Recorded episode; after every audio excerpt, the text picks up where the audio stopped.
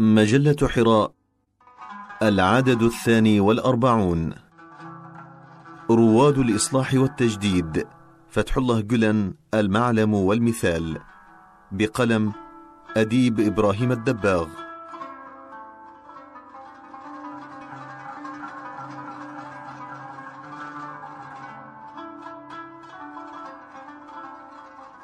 عمرها إلى هذا اليوم أربعة عشر قرنا ونيفا وهي تشق طريقها بين أمم الأرض حاملة على كاهلها القول الثقيل الذي اعتذرت عن حمله الأرض والسماوات والجبال وأشفقن منه. غير أنها وبين زمن وآخر تنوء بحملها فتتعثر في خطاها وتتخبط في سيرها وربما سقطت ارضا وابتلعها سحيق ظلام وغيبتها هوة نسيان فيظن أنه لا يرجى لها بعد ذلك من قيام ولا يؤمل لها من نهوض. ولكن سرعان ما ينشق عنها إمام عظيم ومنقذ فذ على دراية وإدراك بالمآت التي أتت منها الأخطار وتوالت منها عليها الضربات فيأخذ بيدها وينتشلها من هوتها وينهضها من سقطتها ويصلح من شأنها ويعدل معوجها ويقوم صلبها ويشد من أصرها ثم يوقفها مرة أخرى على المحجة البيضاء ويدلها على الطريق المستقيم فتعاود المسير وتباشر الطريق بخطى ثابتة بلا تردد ولا تعثر. وهذا هو المصلح المجدد الذي يجيء تصديقا لقوله صلى الله عليه وسلم إن الله يبعث لهذه الأمة على رأس كل مائه سنة من يجدد لها دينها. وتأتي قوة تأثير هذا المجدد في فكر الأمة وروحها من استقرائه لتاريخها ومن إدراكه لأعماقيات ذاتها وتكوينات ضميرها كما أنه على دراية جيدة وإحاطة شاملة بالمجهودات التراكمية لمجدد ثلاثة عشر قرنا من قبله والإفادة من تجاربهم ومعاناتهم وبتجنب إخفاقاتهم ومدارسة نجاحاتهم. فتأتي أفكاره وآراؤه مغربلة بغربال العقل ومصفاة بمصفاة الكتاب والسنة فيمضي مع أمته في قفزات نوعية ووثبات مفصلية لمسابقة الزمن واستدراك ما فات من عوامل النهوض والتقدم.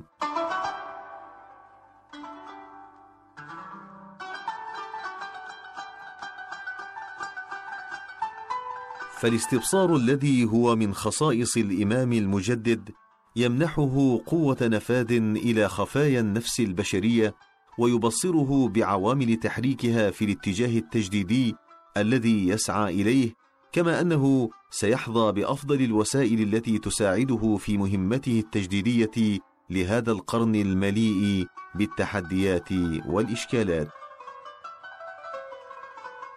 وهو القرن الذي يتوقع المجددون والإصلاحيون أن تتلاشى فيه وتذوب كل الأزمنة السابقة وتتوحد معه وتعطيه زخما يدفعه إلى انعتاق من سجن زمانه والخلاص من وزر خطاياه وآثامه.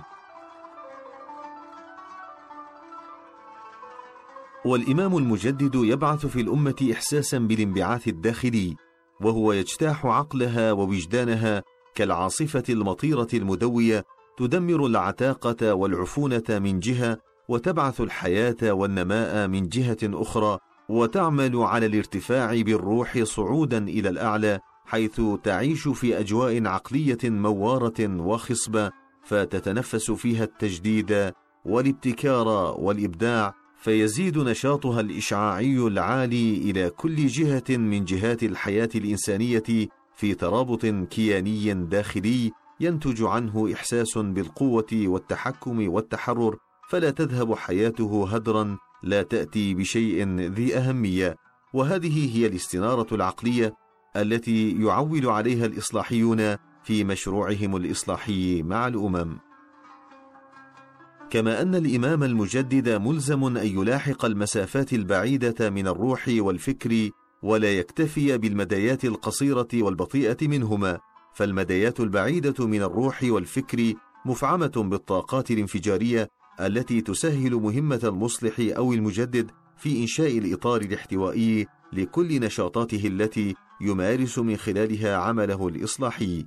فهو يتعشق الحياة ويعمل من أجل إخصابها وزيادة حيويتها. ومن جانب آخر يكافح ليمنع الأمة من اجترار آلامها وإحباطاتها والحيلولة دون وقوعها فريسة تحت سطوة ميلها إلى الانتحار الروحي في دوامة يأسها وقنوطها وشعورها بالقصور والدونية إزاء الأمم الأخرى.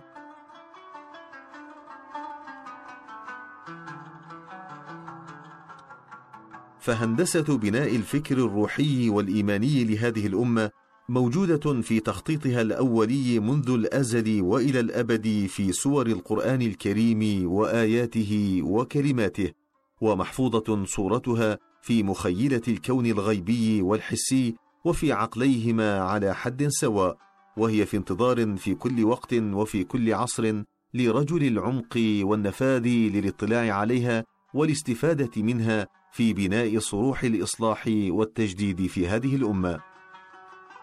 فكل عمل إصلاحي أو تجديدي يعجز عن بناء الروح الإبداعية وفتح أبواب طلاقة التفكير في نفس المسلم عمل محكوم عليه مسبقا بالفشل كما يرى الإمام الإصلاحي والمجدد فتح الله جلان لأنه بدل أن يكون عامل انفتاح على عالمي الغيب والشهادة يتحول إلى هبوط وتقهقر في سياقه الوجودي الأصيل وهذه هي الإشكالية الصعبة التي يعكف الإمام على حل عقدتها وتفكيك تشابك خيوطها.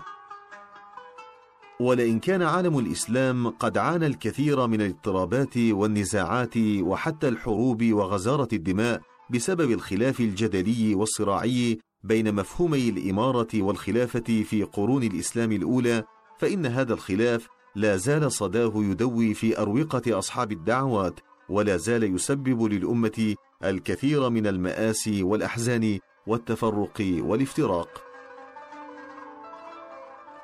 ومنذ سادت مفاهيم الإمارة والملك العضوض وغابت مفاهيم الخلافة الراشدة وجلس الأمير على كرسي الإمارة والحاكم على كرسي الحكم. منذ ذلك الوقت أصبح الحاكم يتوجس خيفة ويعيش مرعوبا من أي تجمع حتى إن كان هذا التجمع لا يتجاوز عدد أصابع اليدين. وحتى لو كان هذا التجمع من أجل دعوة إلى معروف ونهي عن منكر.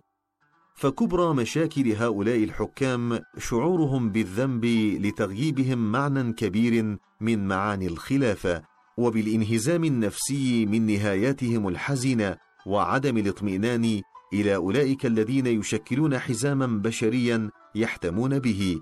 إنها الشكوكية القاتلة التي تتحول مع الزمن إلى فكرة أصيلة في ذهنية الحاكم فمن ديدن هؤلاء الحكام التظاهر بالقوة بكيل اللعنات والأكاذيب والاتهامات لكل من يرفض أن يسبح بحمدهم أو يؤمن بأنهم مناط الأمل والخلاص من عذابات شعوبهم.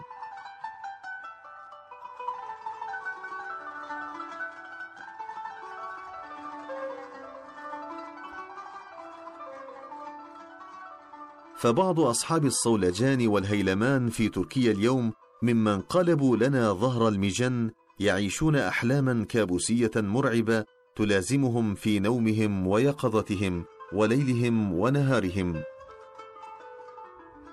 رجل واحد أقض مضجعهم وأطار النوم من أعينهم. رجل اسمه فتح الله جلان.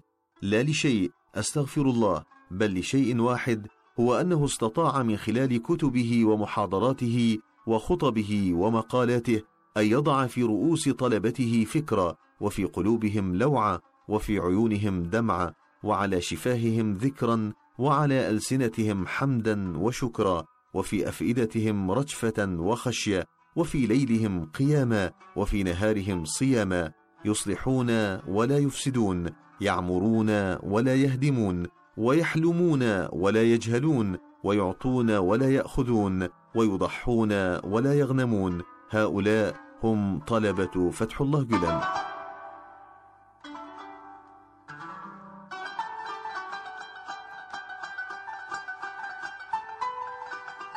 إن الخدمة بمؤسساتها المختلفة إنما هي قوة اندفاعية لحياة المجتمع، إنها روح سام وعقل اقتحامي وثاب، وهي ليست ابنة حقبة زمنية معينة، بل هي الحقبة الزمانية المعنية نفسها، وهي إحدى التجارب الحية التي تغري الباحثين للمزيد من الدراسة والبحث والتقويم.